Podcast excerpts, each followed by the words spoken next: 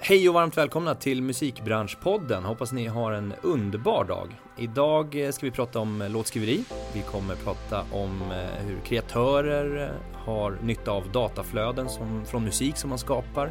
Och vi kommer även få en presentation om företaget Oddly.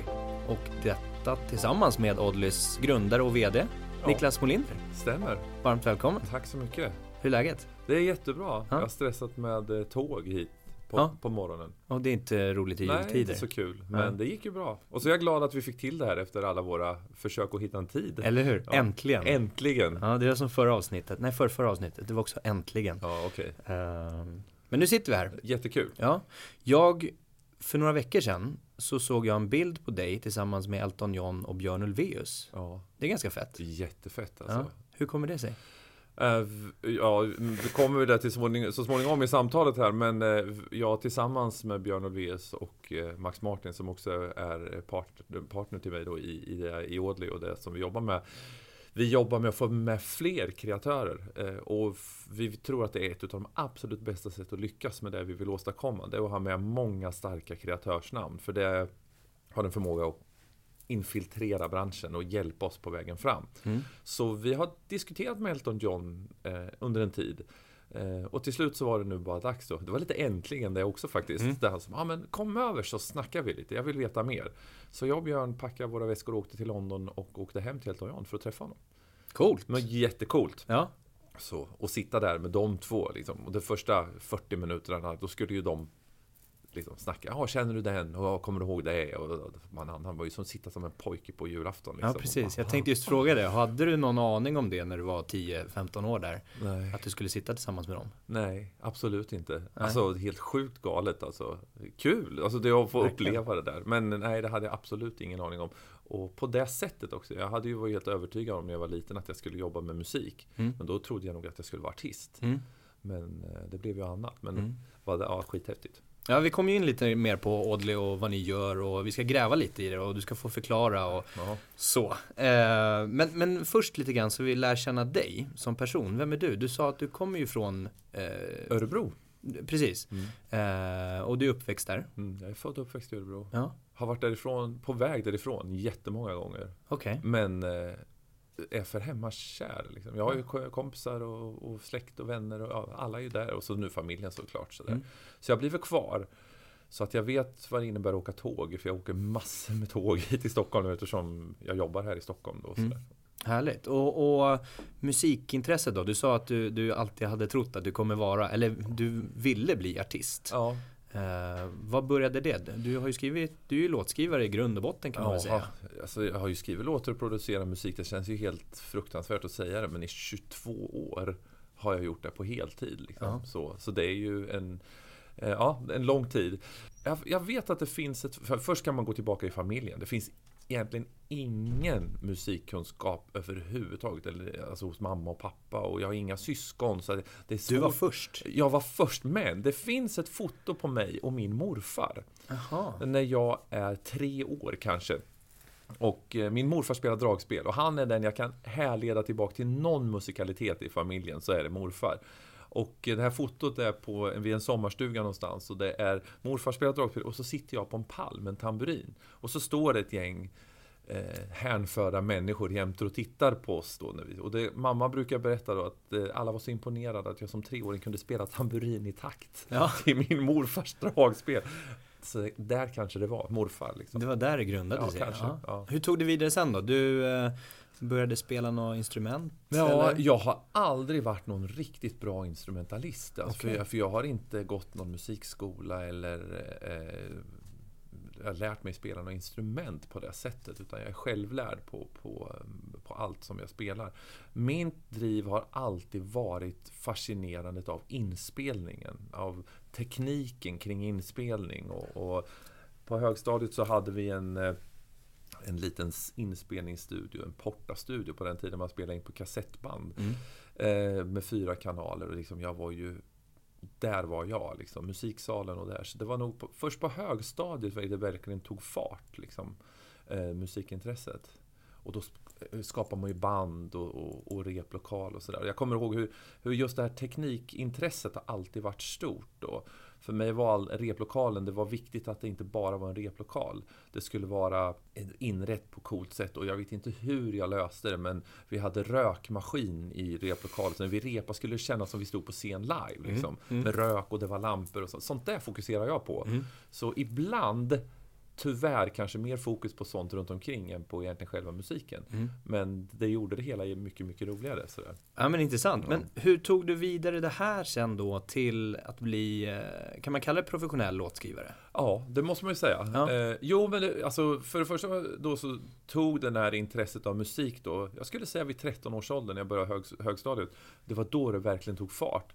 Och skolan som format har aldrig passat mig. Alltså jag har varit miss, missanpassad i skolan liksom jämt. Och helt plötsligt när man fick tillgång till en musiksal och till en studio på skolan så ja, det tog all min fokus, alltså 120% av min fokus. Liksom. Mm. Eh, jag, det fanns inget annat. Eh, och det resulterade i väldigt dåliga resultat i, i övriga skolarbetet. Och det var så väl vedertaget att bland mina lärare och mina klasskompisar, eh, lektioner började och jag fanns inte på plats. Och och då kunde någon lärare säga bara, ja men spring och hämta Niklas i musiksalen. För de visste att jag var mm. där. Mm. Sådär. Så när jag slutade eh, högstadiet och skulle då vara tvungen att ta en gymnasieutbildning. Liksom, då ja, men går det tillbaks till sådana här strukturer som vi har i vårt samhälle. Bara, man ska gå ett gymnasium. Det var ju bara så här, ja, det måste du göra. Så jag frågar ju den syokonsulenten, ja, finns det något med musik då? Jag vill ju hålla på. Ja, kan, du, liksom, kan du spela något? Ja, jag kan ju liksom klinka mig fram lite. Så Tamburin. Tamburin, ja precis. Jag var ju inte så, jag hade ju inte gått någon musikskola så jag kunde inte, nej men då fanns det egentligen ingenting då sådär som passade. Så jag, jag valde en linje typ och det blev restaurangskolan. Så jag okay. blev kock istället. Ja, och det var faktiskt en downer, en riktig downer. Jag trodde ju att jag skulle bli artist liksom. Ja. Jag åka runt och turnera. Och så helt plötsligt så stod jag i ett kök och gjorde bearnaisesås. Det var ju i för sig gott men, nej, men jag, jag tappade lite det här drivet jag hade haft då. Så det blev lite stiltje under ett par år när jag gick den här utbildningen. Så tog jag studenten och, och var väl allmänt deprimerad över situationen och jobbade på restaurang tills jag insåg att nej, det här är inte rätt alltså jag hade ju fortfarande lite grejer hemma och jag höll ju på hela tiden. Eh, men inte i den omfattningen jag ville. Så jag bara tog ett beslut liksom. Ingen kommer komma till mig här och säga bara Kom Niklas, här är en studio, liksom, nu kör vi. Är det någon som ska få det här att hända så är det ju jag. Mm. Så eh, jag, och nu hade jag skaffat en egen lägenhet också och flyttat hemifrån. Och du vet, och då blir det också sån här norm man måste, hur ska du betala räkningarna? Det var ju så här. Men jag sket i allting. Jag bara, nej, jag säger upp mig från jobbet.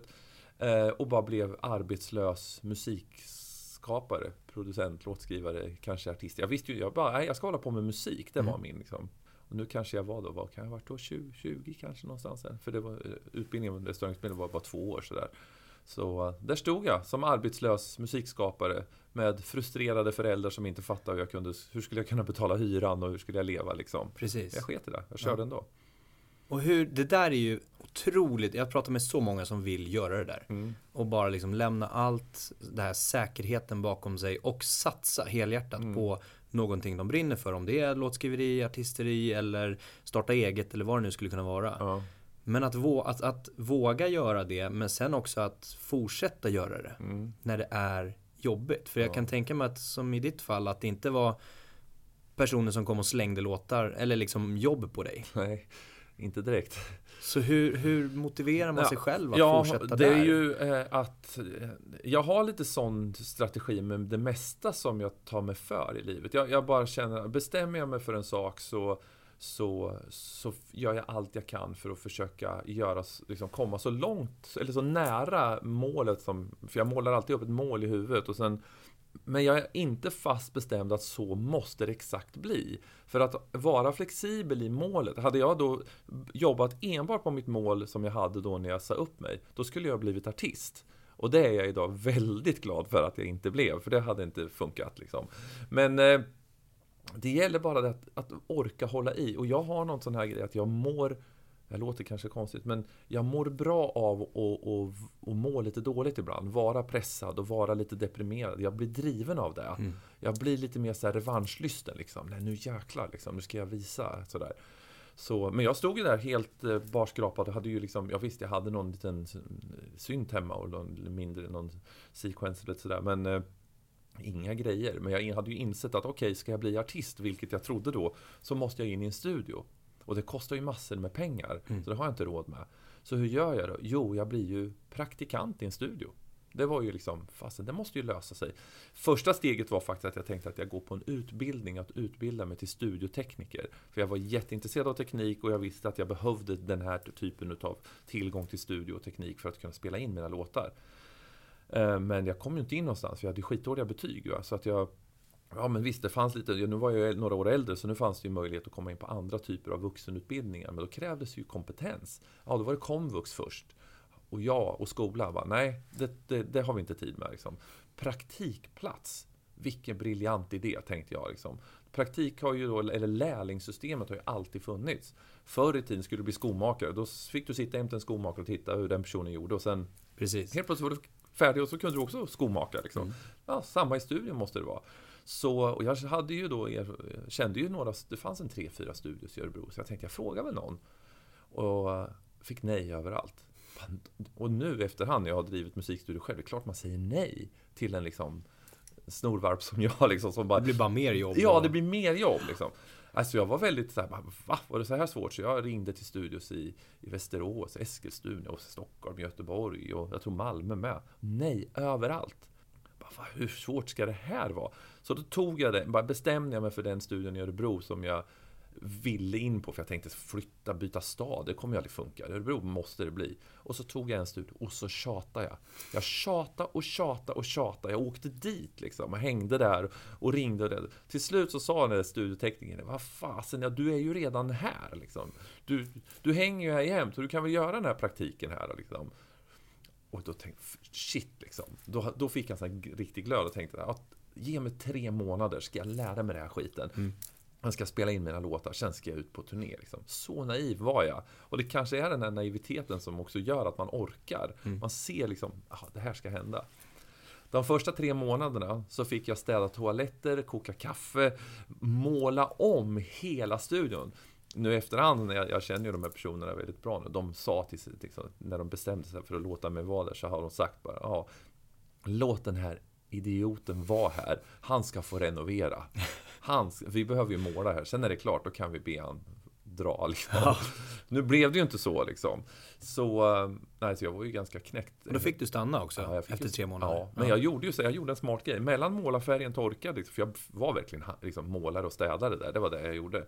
Men jag insåg igen då en ganska intressant grej. Och den här kan nog vara liksom, värd att skicka med många som som sitter där ute och, och vill lyckas eh, med musik. Att ingen kommer någonsin komma och erbjuda dig liksom Kom, kom, här, gör det här. Utan det finns bara en person som kommer kunna förändra saker och det är du själv. Mm. Och i mitt fall, nu hade jag ändå liksom Nu började jag tröttna, precis på liksom var, Efter tre månader som snickare och städare.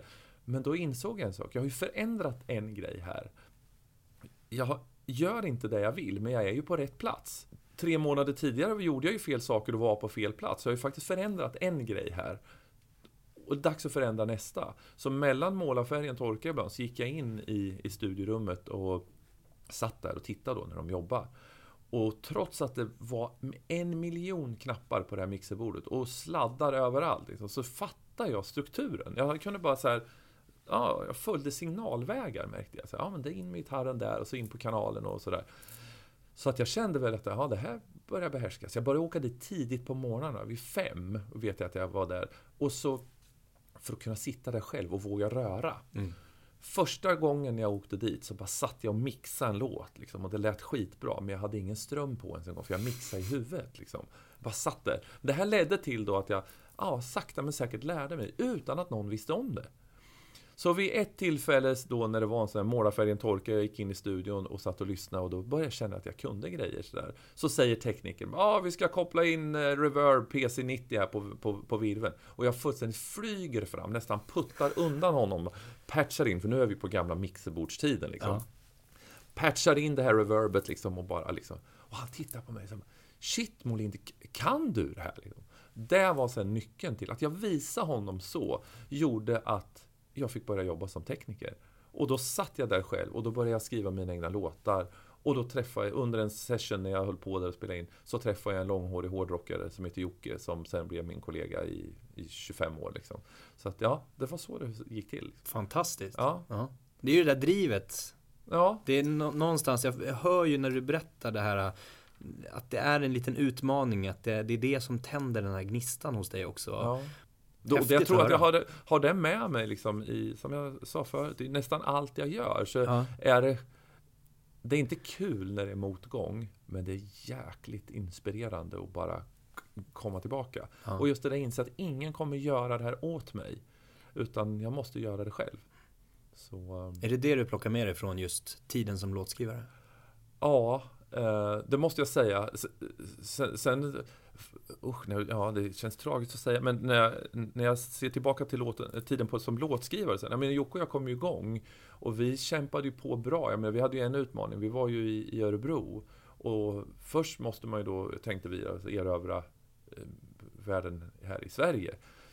Eh, och då måste vi åka till Stockholm, för här i Stockholm är ju hela musikbranschen centrerad och vi var från Örebro och det var ju redan då ganska hård konkurrens.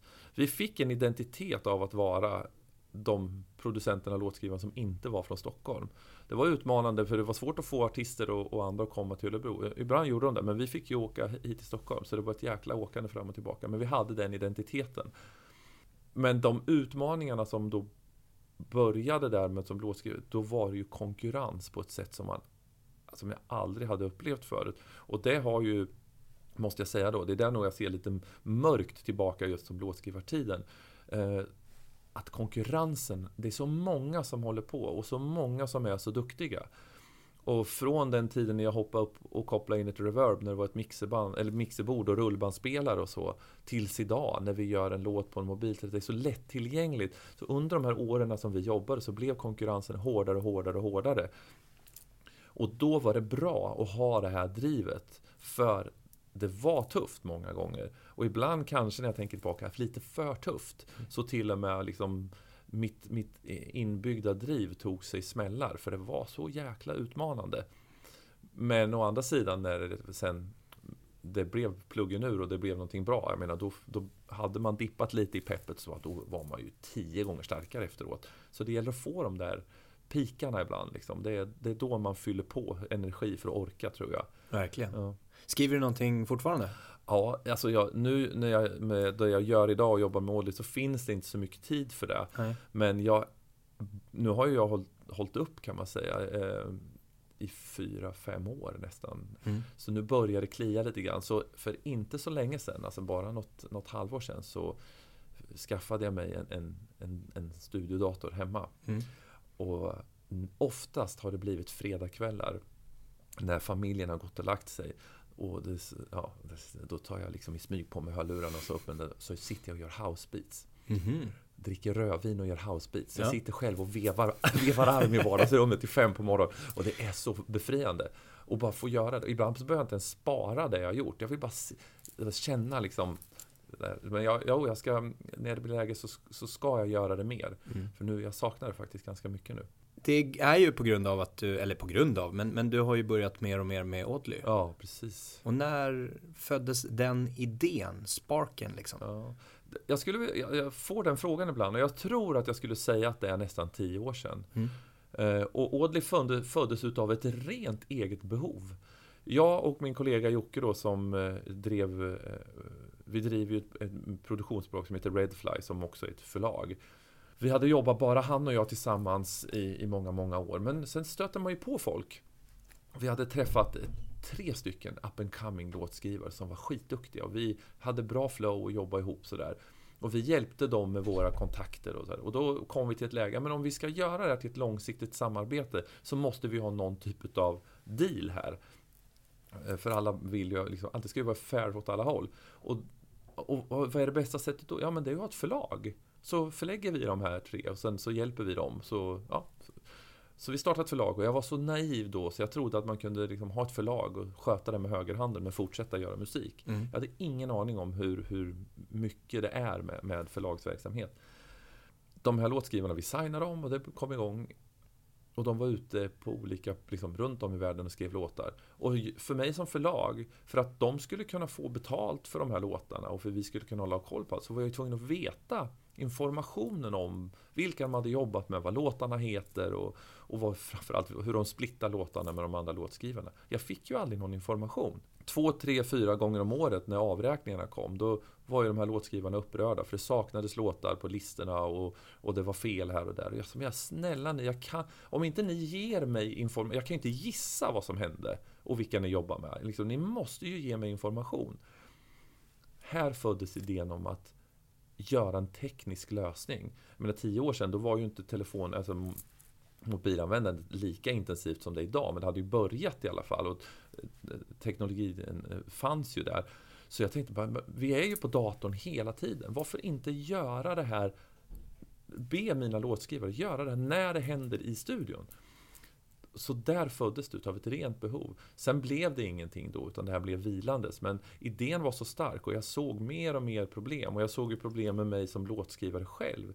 Hur dålig jag var på att samla in den här datan om vilka jag jobbade med och vad, vad fördelningarna var när det hände. Det var alltid frågan om återskapande utav den här, försöka minnas vad som hände när låten väl skulle ut. Och låten kunde ju komma ut ett halvår, två år, tre år senare. Och det var alltid samma procedur. Så det, för, det hade en enkel idé. Vi måste samla in den här datan när det hände för att, för att komma ihåg själva. Och det är ungefär tio år sedan skulle jag säga. Och sen vilade det lite. Jag pratade om den här idén och eh, sen fick jag ju läge för kanske fem år sedan och presentera den här idén för Max Martin. Och han tyckte att det passade dem perfekt för de hade exakt samma problem. Mm. De har massor med låtskrivare som skriver låtar och de, fatt, de får inte informationen som de ska ha. Så han hängde på liksom. Och då kände man nu finns det ju underlag för att verkligen göra det här på riktigt. Och då hade den tekniska utvecklingen kommit längre också? Ja, verkligen. Mm. Och då var ju mobilanvändandet framförallt. Jag menar, då alla kreatörer för jag använder gärna ordet kreatörer för från Audi, vi, vi, det är inte bara låtskrivare, det är artister, eh, producenter, tekniker, alla alltså liksom, som är med på en inspelning och på en, på en, en låtskrivar, en låtskrivarsession. Alla har behov av Audi. Så därför använder jag kreatörer. Mm. Och, ja, och vi såg att alla kreatörer sitter med telefonen 24-7 liksom, hela tiden. Och vi, vi ser andra branscher där teknologin redan vänder upp och ner på allting. Jag menar bank, går man till en bank längre? Nej det gör man ju inte. Du har ju din app. Bokar du flygbiljetter på en resebyrå? Nej, du använder telefonen. Liksom. Och jag sa, varför ska vi inte kunna använda telefonen precis till samma ändamål då? Så eh, med Max Martins hand på, på axeln liksom, så känner man, ja men det här, det här kommer nog funka och dra igång. För alla mina år som, som låtskrivare och musikproducent så hade jag lärt mig en sak riktigt väl politik i musikindustrin är helt avgörande. Ibland viktigare än själva materialet. Om en låt är bra eller dålig, det är en bedömningsfråga självklart. Men att känna rätt person och ha stöd från rätt människor är oftast viktigare än, än själva materialet du skapar. Sen kan man tycka det är tragiskt eller inte, men kontaktnätet är viktigt. Och med en sån hand på axeln som Martin då, så är det klart att det här, det här kommer i alla fall funka och, och få impact. Sen att det skulle att det skulle gå hela vägen, eller, det, det var jag inte säker på då. Men jag visste att vi har en bra början i alla fall. Mm. Och för jag, jag pratar med ganska många där ute som vet att ni finns, eh, men och, och, lite, lite vad ni gör eller vad Audley är. Men det är många som fortfarande är lite tveksamma. Är det ett förlag? Är det en tjänst? Är det ett verktyg? Alltså på vilket sätt? Vem ska använda den? Om du får förklara utifrån din idé och liksom vad Audley är för någonting. Och det, det svider när du ställer frågan, för vi vet ju det. Det här ja. är ju vårt största problem. Ja. Liksom. Uh, och det är en, en, en utmaning, inte bara för oss, utan för hela musikbranschen. Och i slutändan, framför allt för de som skapar musiken, kreatörerna. Mm. Att det här är så svårförståeligt. För de som skapar musiken är den, de allra största förlorarna i det här Enkelt förklarat bygger ut, som jag, jag vill lägga fram det då, är att musikkreatörer idag bryr sig om en sak och bara en sak. Det är vad som låter ur högtalaren. Och vi kallar det för låt. Det musikskaparna inte förstår att det finns så mycket data eller information som uppstår under den här skapande processen som är linkat till det här ljudet. Den här datan, och om vi ska ge exempel på vad det datat är då är. Vem är du? Vad heter du? Eh, är du låtskrivare? Vilken upphovsrättsorganisation är du knuten till? Och är du knuten till en, har du i så fall ett IP-nummer? Har du ett musikförlag? Har du en manager? Har alla de du, andra du jobbar med samma setup? Helt plötsligt så har vi tio olika nya informationer som är helt avgörande för att du sen i slutändan ska kunna få betalt. Den här informationen struntar musikkreatörerna i. Man bara skapar, skapar, skapar. När man har kommit en bit och man har ett förlag eller man kanske har en manager så kommer man förr eller senare inse att den här informationen kommer frågas efter. Men den frågas efter väldigt, väldigt för sent. Mm.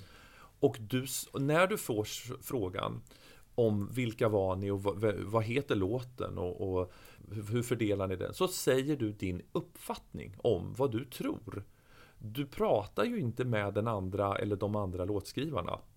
Och om fyra låtskrivare, för vi kan säga fyra, för det är snittet idag på en nyregistrerad låt, så är det fyra låtskrivare. I pop är det ju oftast fler då. Liksom. Men eh, säger fyra låtskrivare det de tror till sina representanter så är det helt plötsligt en, ett virrvarr av informationen till det här ljudet som vi inte har verifierat. Vi vet inte att vi säger samma sak. Det här leder det till då att det blir vad vi kallar för registreringar om den här låten vi har skrivit och spelat in. Och de här registreringarna då ska bygger på information som vi har snackat om utan att komma överens om sanningen. Och den här informationen är, styr betalningsflöden när då låten spelas på Spotify, Youtube, Apple eller någon annanstans på radio och TV. Så när pengar kommer in för den här låten vi har gjort ihop så vet inte de här olika organisationerna och bolagen som har samlat in pengarna vem ska ha pengarna? Och hur mycket? Eftersom det är procentbaserat. Och jag såg det här problemet om och om igen. Vi pratar ju inte om det. Och det här med split idag, det kan jag liksom, jag förstår hur det, hur, hur det är, men att låtskrivare är så rädda för att prata om splitten. Liksom. Det är återkommande hela tiden.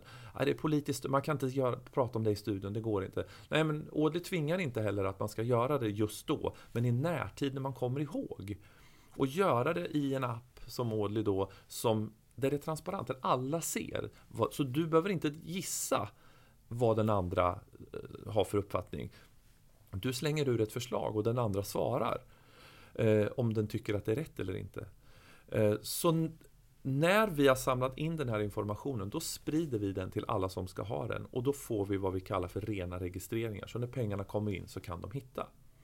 Så det är grundidén till hela, liksom, eh, hela Ådlis upplägg. Så vi är inte ett förlag, vi är inte en ny upphovsrättsorganisation, vi är inte en ny databas på det sättet. Utan vi är en helt unik typ av datahubb. Mm.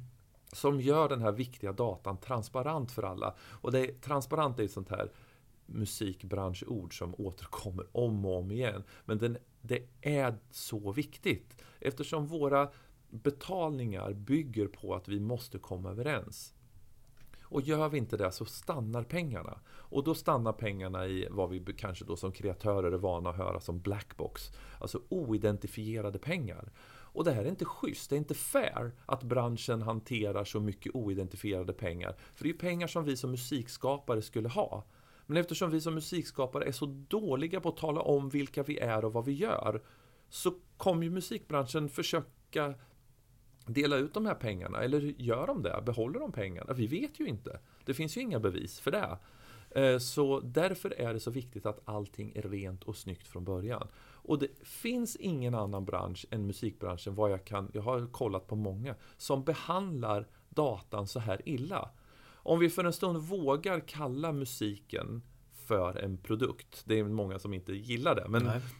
produktutvecklarna, men vi kan ta vad som helst. Jag menar den här kaffekoppen. Den som har gjort den här kaffekoppen, det företaget, de vet ju exakt vad det kostade att göra den här och vem de har sålt den till och det var ett fast pris. Så pengaflödet blir väldigt tydligt.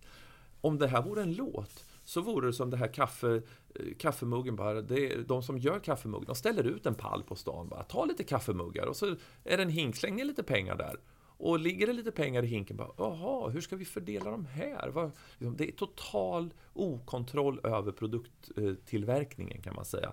Just det. Det är liknande. Och som låtskrivare, eller om man säger som kreatör överlag då, att ha så dålig koll på den här datan, eller ha så, vara så rädd att prata om den, är motsvarande om du har ett annat typ av jobb. Om du jobbar på en restaurang exempelvis. Och du går till restaurangen varje dag utan att veta egentligen när du börjar, när du slutar och du har ingen aning om hur mycket du har i lön och när du kommer få betalt. Det är en jämförelse som musikkreatörer idag jobbar under. Liksom. Det är sådana förhållanden. Många gånger så löser det sig down the line. Liksom. Man, det, det reder ut sig någonstans, kanske. Det är fortfarande otroligt för många dispyter och konflikter om olika åsikter om, om, om kompositioner. Eh, men ibland löser det sig. Men tiden och pengarna det tog för att ta reda på vad sanningen var. För det är ju människor i världen på förlag och management och upphovsrättsorganisationer som ska sitta och reda i det här. Och allas timmar kostar pengar. Och vem får betala för det? Jo, det gör ju kreatören i slutändan. Det är ingen annan. Så om kreatörerna tar större ansvar för att samla in den här datan och vi pratar om, ja, vi, vi, vi, vi, brukar säga att använd Audley 15-20 sekunder efter varje session. Och bara när du minns allting så har du liksom gjort allt du behöver göra. Och då har du informationen när låten sen ska ut. Då behöver man inte gissa. Du vet att din åsikt, att alla andra ser den åsikten eh, och kan säga okej okay, eller föreslå deras synpunkt. Liksom. För det är en förhandling man pratar om. Om man bara gör det här så kommer man som låtskrivare, producent, artist, eh, musiker börja tjäna mer pengar på musik. För det är någonstans i botten varför vi gör det här. Jag började inte med musik för jag ville tjäna pengar. Jag älskar att hålla på med musik. Men har också insett att för att kunna hålla på med musik så måste jag tjäna pengar. För då kan jag hålla på ännu mer med musik. Det blir ett verktyg. Det blir ett verktyg. Så därav, därför så tänkte jag på att det här, vi måste göra någonting åt det här. Och framför allt med tanke på utvecklingen i hela musikindustrin. Människor konsumerar musik på ett helt annat sätt än man har gjort förut. Förut var det fysisk media. Man tryckte upp CD-skivor och det var ganska enkelt att räkna hur många CD-skivor man hade sålt. Och sen fick man betalt för det. Det var fortfarande informationsinsamlingsproblem på den tiden. Men det var lättare att definiera själva distributionsformatet. Idag är det vad är egentligen en, en leverans idag? Mm. mm. Behöver det vara en WAV-fil eller en MP3-fil? Och vem, vad, vad, är ett original överhuvudtaget? Alltså det är så svårdefinierat. Och släpper du den här ifrån dig så är den i hela världen. Ja. Så sammanfattat är det liksom ett verktyg kan man säga. Ja, just det, det var det som var för... frågan. det var det som ja, var frågan. Ja, just det. Vi binder bara ihop det ja, sådär. Ja, uh, precis. Det är ett verktyg för musikkreatörer för att hålla ordning på sin uh, data. Som även hjälper musikbolagen Mm. Eh, upphovsrättsorganisationerna. Ja. Men då har ni, hur ser samarbetet ut mellan er och ja, men till exempel STIM? Har ni ett samarbete? Ja, vi har ett samarbete med STIM. Eh, då kommer det till, om vi, för pratar vi STIM, då slutar vi prata begreppet kreatörer. Nu går vi ner och pratar enbart låtskrivare. Mm, ja, men precis, bara som mm. ett, ett ja. av exemplen. Här. Så STIM och det är några motsvarigheter runt om i världen då, för det finns eh, i, i runda tal 90 STIM-organisationer runt om i världen ungefär. Precis. STIM kontrollerar ju då eh, Sverige. Eh, så STIM har ju uppgift att samla in pengar för låtskrivare när låtarna används. Eh, både publikt på radio och på frisersalonger och varuhus och så vidare. Men även när det då spelas på Spotify. Eh, så de har den uppgiften. Eh, och samla in låtskrivarnas del av den här eh, kakan. Och för att kunna fördela det här så måste de kunna identifiera låtskrivare. Och då gör man det med en kod. Hela musikindustrin bygger på fyra koder, men den första koden som är viktigast för låtskrivare, den kallas för IPI-nummer. Interested Parties Information är förkortningen. Och det betyder att alla som är med i en låt eller i det här fallet kallar vi det för en komposition, för det är det vi pratar om då, när vi pratar om STIM. Det har inget med ljud att göra, det är bara information om kompositionen. Det kanske blir för komplicerat där, men du får... Nej, men kör på. Ja, och för att kunna hålla ordning på vilka som är inblandade och äger en del i den här kompositionen, så måste man ha då ett IPI-nummer.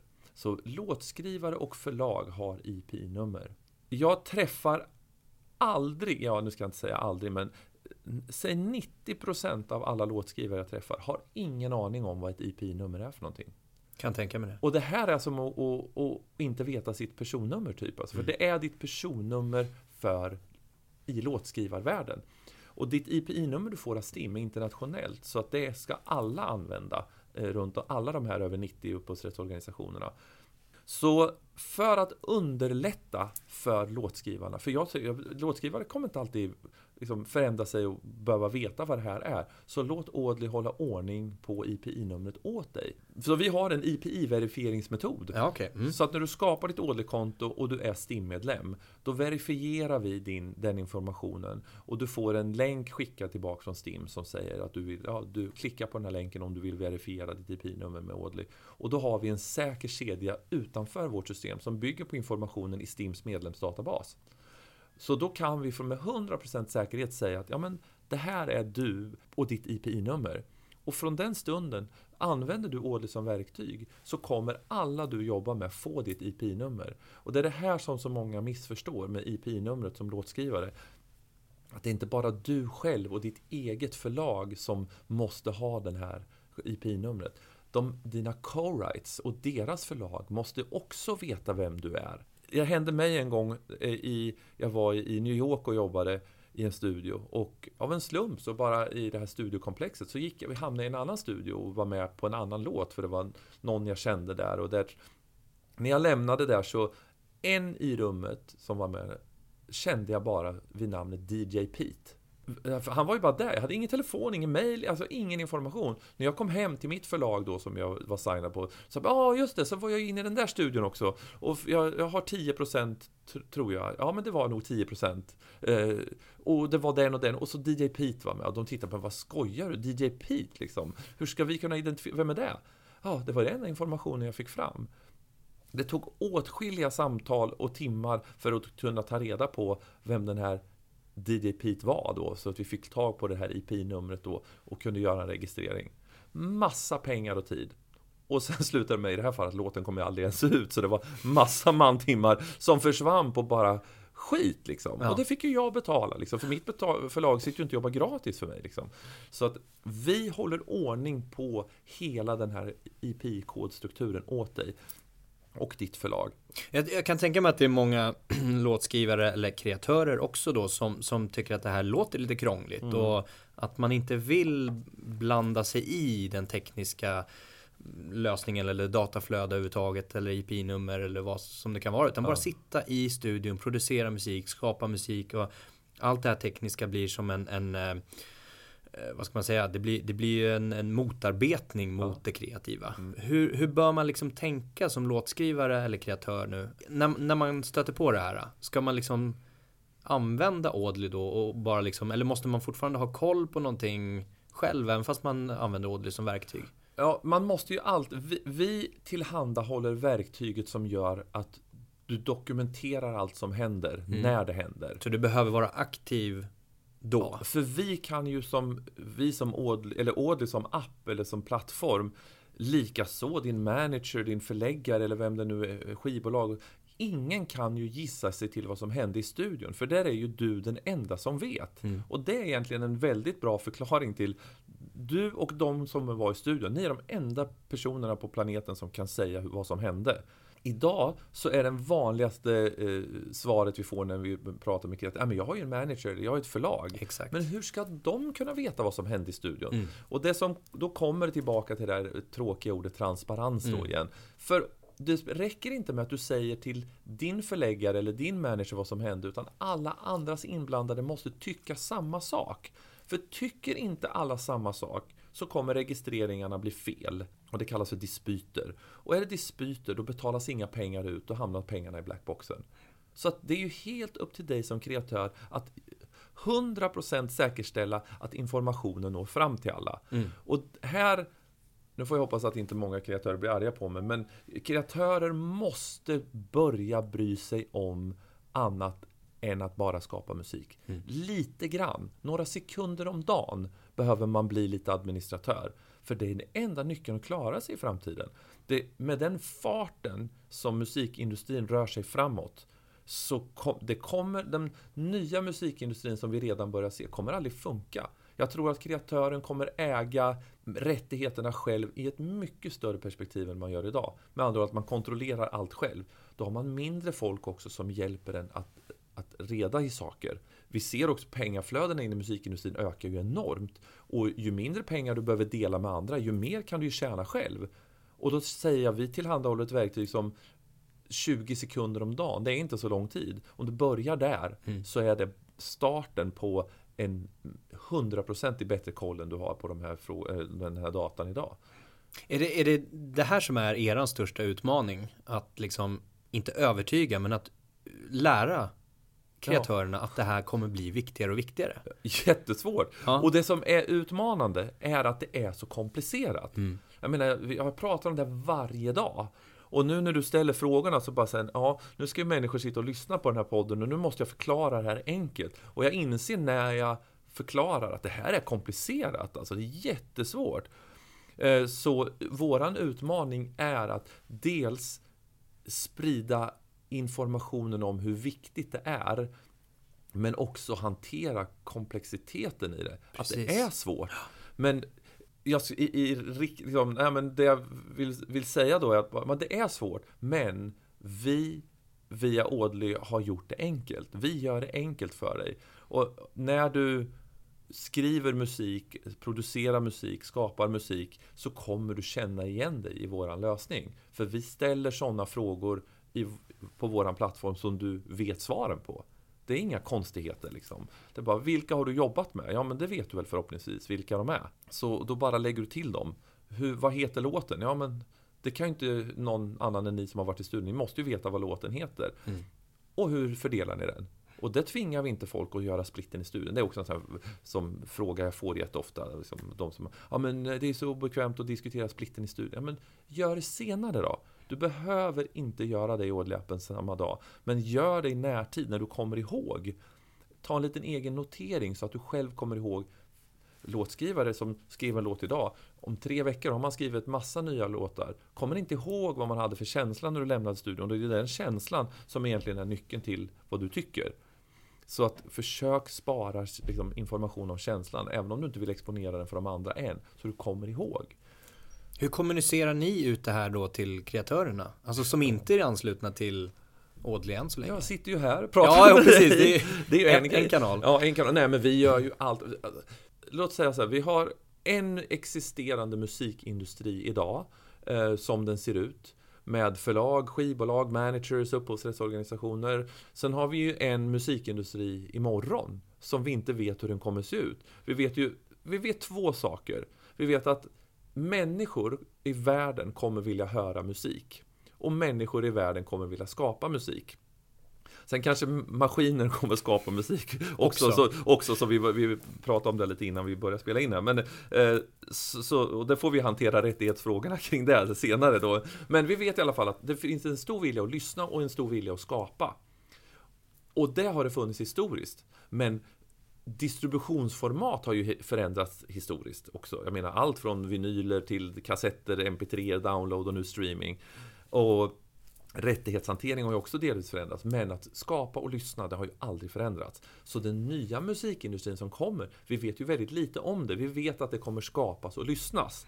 Och jag tror ju inte att man kommer börja gå tillbaka till fysisk media. Streaming eller digital eh, distribution av musik är ju här för att stanna. Men jag tror att Spotify, YouTube och Apple Music och Tidal och några till är de enda som alltid kommer finnas. Så är det ju inte. Det kommer komma nya format. Och visste jag något av de nya formaten, då hade jag inte suttit här, då hade jag varit uppe och utvecklat det Ja, i så fall. Men, men det är klart att, så det gäller för oss som Modi att ta hand om den existerande musikindustrin, men också göra oss redo för det som kommer imorgon.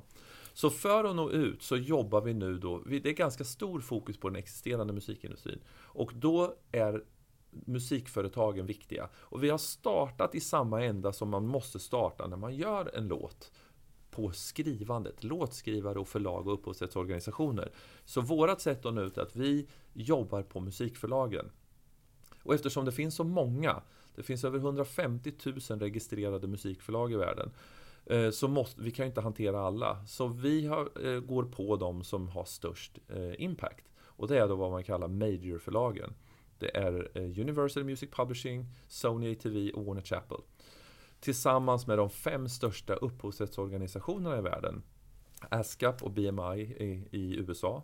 Det är PRS i, i England. Det är SACEM i Frankrike och sen självklart STIM här i Sverige. Och så sen då streamingtjänsterna. För streamingtjänsterna är ju en intressant eh, eh del i det här. För de blir ju ofta anklagade att vara the bad guy här. Liksom. Att, framförallt YouTube, eh, men delvis Spotify också då. Eh, till viss rätt ibland, självklart. Men om de betalar ut en massa pengar som branschen tar emot men på grund av oidentifierad data inte kan betala ut det till låtskrivarna så beskyller vi många gånger streamingtjänsten för att vara den, den, den dåliga länken i det här. Fast det kanske inte är det. Sen har det ingenting med att göra att YouTube skyddar sig bakom datalagar och betalar för lite. Men det är en annan diskussion. Mm. Där de väl betalar ut hittar inte fram. Så våran fokus är att gå på de största förlagen, de största upphovsrättsorganisationerna och de två, tre största streamingtjänsterna.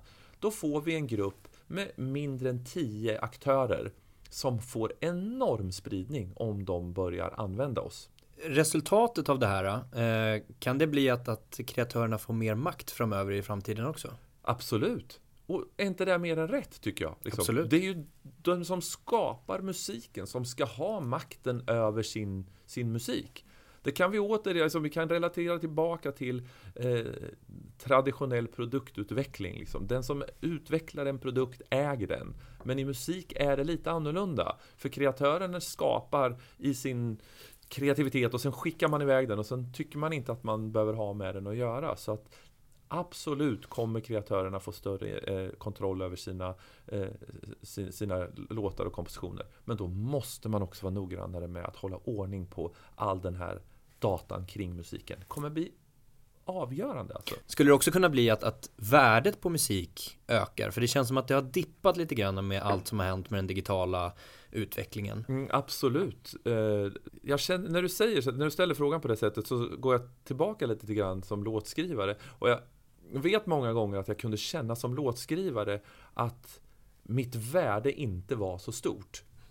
Jag var bara en maskin i, eh, en del i ett maskineri liksom, som skulle leverera låtar. Och det kunde sitta någon förlag eller någon, något skivbolag någonstans som Ja men du har en bra refräng här, eh, och, men vi tar versen härifrån. Så klippte och, och liksom i mina låtar och, och var övermäktig mig. Men det var också viktigt för mig att få samarbeta med de här parterna. Liksom, så. Eh, så att, men jag kände mig ofta liksom, att man kanske hade för litet värde. Och ju mer på större position kreatörerna själva så kommer också musiken få ett större värde. Absolut. Mm.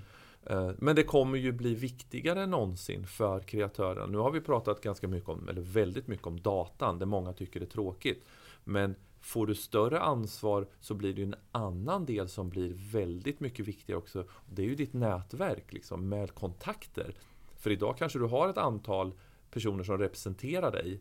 Eh, om, do, om någon av de kedjorna eller länkarna kommer försvinna i framtiden så måste du göra ett större arbete själv. Och det kan jag säga, det är ju en, en helt annan diskussion egentligen. Men eh, det är en av anledningarna att jag och Jocke blev så framgångsrika och det var att vi, vi såg det sociala spelet. Mm. Man måste vara, man måste gå ur liksom dungeon ibland, liksom, ur studion och eh, tänkte säga duscha och ta på sig slipsen. Liksom. Men man måste ge sig ut och träffa folk. Liksom. Det är, många kreatörer fastnar i studion och tror att det är där allting sker. Det, du måste känna dig ett folk och exponera dig för möjligheten att lyckas, annars kommer du aldrig göra det.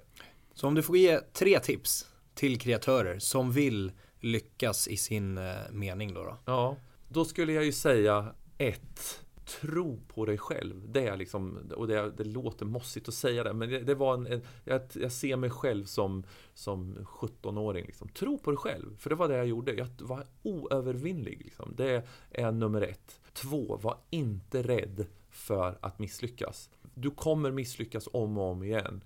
Men se det som lärdom och inspiration istället. Det är svårt i mörkret att se inspiration i det men lite såhär, jag ska fan visa dem liksom. Den känslan lite grann.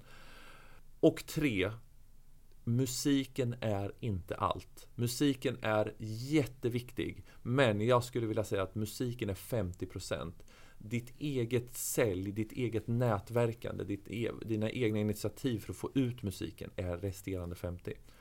Härligt, bra tips. Mm.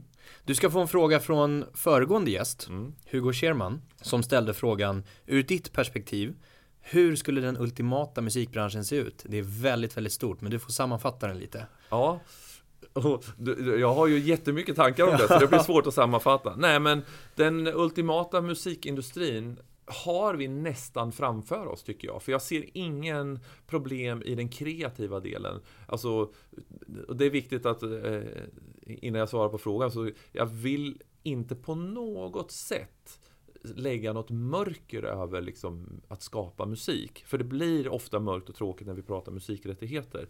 Men ur ett kreativt perspektiv det släpps mer musik än någonsin och bättre musik än någonsin och vi kan göra musik enkelt idag så att det är ju fantastiskt. Jag vill inte ändra på någonting i det. Men på frågan så var det, vad skulle göra det till en ultimat musik, musikindustri? Jo, det skulle vara att kreatörerna får mer rättvist och snabbare betalt när musiken används. Det kommer ske om kreatörerna engagerar sig lite mer själva tekniken, avräkningssystem och så vidare, det finns redan idag för att, att det ska gå snabbare och det ska vara billigare. Eh, så mycket mer snabb och rättvis ersättningsmetoder i, i musikindustrin. Då har vi en ultimat musikindustri. Kanon, det var mycket sammanfattat tycker ja. Bra. Ja. och du ska få skicka vidare en fråga till nästa gäst också. Ja, Okej, okay. då skulle jag vilja fråga så här. Vad är din syn på det bästa sättet att nå ut med de viktiga datafrågorna till kreatörer. Bra! Och är man mer intresserad av Audley, var hittar man er? Eh, Audley.com ja. Eller på eh, där man laddar ner appar. Ja.